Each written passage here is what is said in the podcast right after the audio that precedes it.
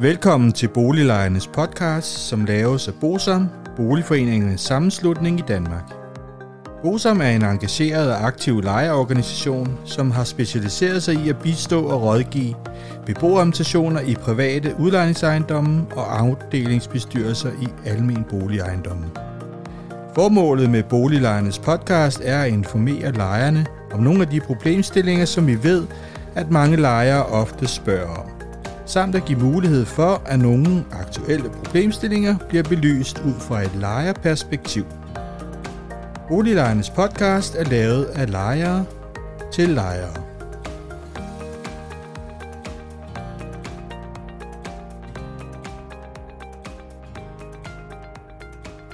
Velkommen til Boliglejernes podcast. Mit navn er René Su, og jeg arbejder i Bosom. Som jeg lovede i sidste uge, så får I her en mere praktisk gennemgang af den udvendige vedligeholdelseskonto. Det vil sige, det vi får som spørgsmål typisk herinde i Bosom, det er, at udlejer vil have udbetalt nogle af de her GI-midler. Og der synes jeg, at det måske det kunne være på sin plads, at vi lige forholde os lidt til den problemstilling, fordi den er yderst interessant. Det starter jo typisk med, at beboerstationen får et brev om, at udlejer vil gerne have udbetalt nogle af de indstående midler i grundejernes investeringsfond, som GI jo egentlig hedder. Og så kommer de med et eller andet beløb, som de mener, de skal have udbetalt. Og så er det sådan, at beboerstationen har seks uger til at komme med indsigelser mod den her udbetaling. Hvis beboerstationen ikke kommer med indsigelser inden for de seks uger, så har man altså ikke indsigelsesret. Og nogle gange hører vi desværre fra folk, som siger, jamen øh, sidste års regnskab eller sidste års regnskab igen er helt forkert. Og så må vi jo bare sige, jamen, blev der lavet en indsigelse? Nej, det gjorde der ikke. Jamen, så er det for sent. Det er sådan, at selve indsigelsesretten, den ligger i lov om leje, paragraf 122 stykke 3, og det betyder sådan set, at beboerorganisationen har mulighed for at lave en indsigelse, hvis de ikke mener, at udlejer er berettiget til at få udbetalt penge for den udvendige vedligeholdelseskonto.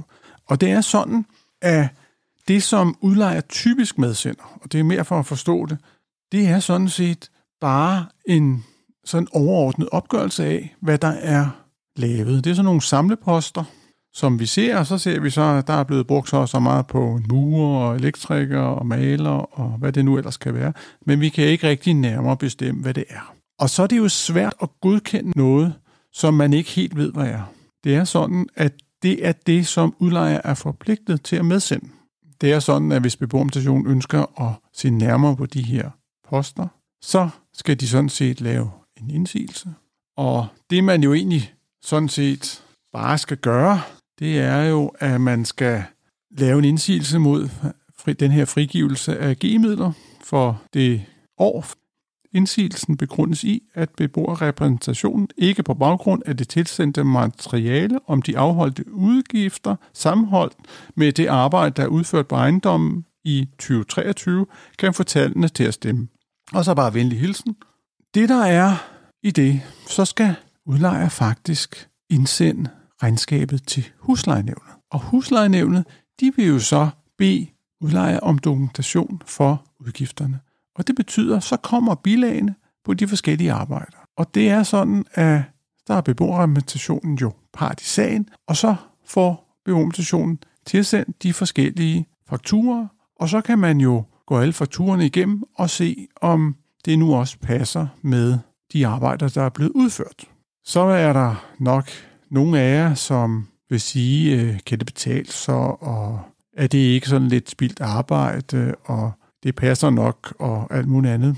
Jeg vil jo sige, at ud af de regnskaber, vi kontrollerede sidste år, så var der cirka 75 procent, som var, hvor der var noget forkert i regnskaberne. Og når jeg siger, at der er noget forkert, så kan det jo både være, at der er nogle forbedringsforhøjelser, som er medtaget som vedligeholdelse. Så får udlejer både penge for vedligeholdelseshensættelserne og en lejeforholdelse for det samme stykke arbejde. Og det er jo en udmærket forretning for udlejer. Det kan også være en situation, hvor at der er udgifter, der simpelthen er medtaget, som ikke hører til ejendommen. Det har vi faktisk en hel del eksempler på.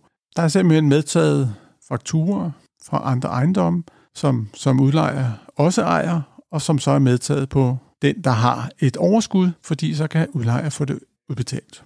Desværre ser vi en hel del af den slags fejl, og det kan man jo så påpege over for huslejenævnet og sige, det og det er der et problem. Der sker selvfølgelig også de gange, hvor der ikke er nogen sådan åbenlys fejl, og så siger man jo bare til huslejenævnet, at, at man ikke har øh, nogen kommentar. Nu har man læst det og trækker sin indsigelse tilbage, og det betyder, at huslejenævnet så lukker sagen. Det er sådan set helt normal procedure, fordi så har man jo fået indblik i oplysningerne, som man ikke havde før på baggrund af det, man fik tilsendt fra udlejer. Jeg skal måske også forholde mig lidt til øh, GI's hjemmeside endnu en gang, hvor er det muligt at gå ind og finde de tidligere vedligeholdelsesregnskaber, hvor man kan se, hvad der er blevet brugt af udgifter. Og der ligger for tre år, altså de tre sidste år, som har været igennem GI's kontrol. Og det skal jo lige siges, at det er jo ikke alle regnskaber, som GI kontrollerer. Men der kan man se, hvad saldoen er på henholdsvis konto 119 og konto 120. Man kan se, hvad der er hensat i perioden, og det kan man jo gå op og se og sige, hvad er regnskabsperioden, og det er altid kalenderåret. Og så kan man se i samme periode, hvad er der blevet brugt af udgifter. Det kan man så gøre hvert år, og på side 2 af de her regnskaber kan man så få oplyst, hvor meget der er blevet brugt på murer, sneker, VVS og elektrikere osv., og på den måde få et lille overblik. Man kan ikke se de forskellige fakturer osv., man kan kun få en idé om, hvad er der er blevet brugt overordnet. Og det er derfor, at det godt kan betale sig at lave en indsigelse, fordi så kommer man ned bagved, og så kan man forholde sig til, hvad der er blevet brugt. På den sidste side af et vedligeholdelsesregnskab af dem, I kan trække på GI, der kan I se, hvordan man beregner de forskellige hensættelser. Og der vil I jo se, at der bruger man BBR-arealet, hvis der kun er beboelse, jamen så er det beboelsesarealet. Alene man bruger, hvis der også er erhverv, så bruger man også erhvervsarealet. Og der kan I jo se, hvad satsen er på henholdsvis 119 og 120 kontoren. Og I vil jo også se, at 119 hensættelsen er lidt større end 120 hensættelsen, og på den måde kan I jo forholde jer til, om tingene nogle engang passer, fordi I vil jo også nogle gange, som sagt, få en varsling af hensættelser, og det skal jo bare meddelelse, men der kan I i hvert fald finde på ud af, om det er de rigtige satser, som udlejer bruger. Og det er jo en god ting, at man kan kontrollere det. Som jeg sagde, i forrige afsnit, men jeg vil da gerne gentage det, så er det lov om leje, paragraf 119 til 122, hvor I kan læse noget mere om reglerne for udvendig vedligeholdelse og jeres mulighed for at lave indsigelse. Jeg håber, I synes, det var interessant, og hvis I synes, det var interessant, så gå ind og abonner på vores podcast, eller meld jer ind i vores Facebook-gruppe, og ellers så høres vi bare ved på fredag. Hej hej! Hvis du synes om Boliglejernes podcast, vil vi blive rigtig glade, hvis du deler episoden med dine venner, og måske giver os en anmeldelse og nogle stjerner i iTunes, så vi derved kan komme ud til mange flere lyttere. Oplysningerne i denne podcast er udtryk for vores opfattelse af retsstillingen på nuværende tidspunkt. Men husk, at retsstillingen kan have ændret sig, når du hører denne podcast, da der kan være kommet ny lovgivning eller praksis på området. Den videre er vigtigt at være opmærksom på, at gennemgangen i denne podcast alene har været overordnet for at give et overblik og derfor ikke kan regnes for en udtømmende gennemgang af emnet.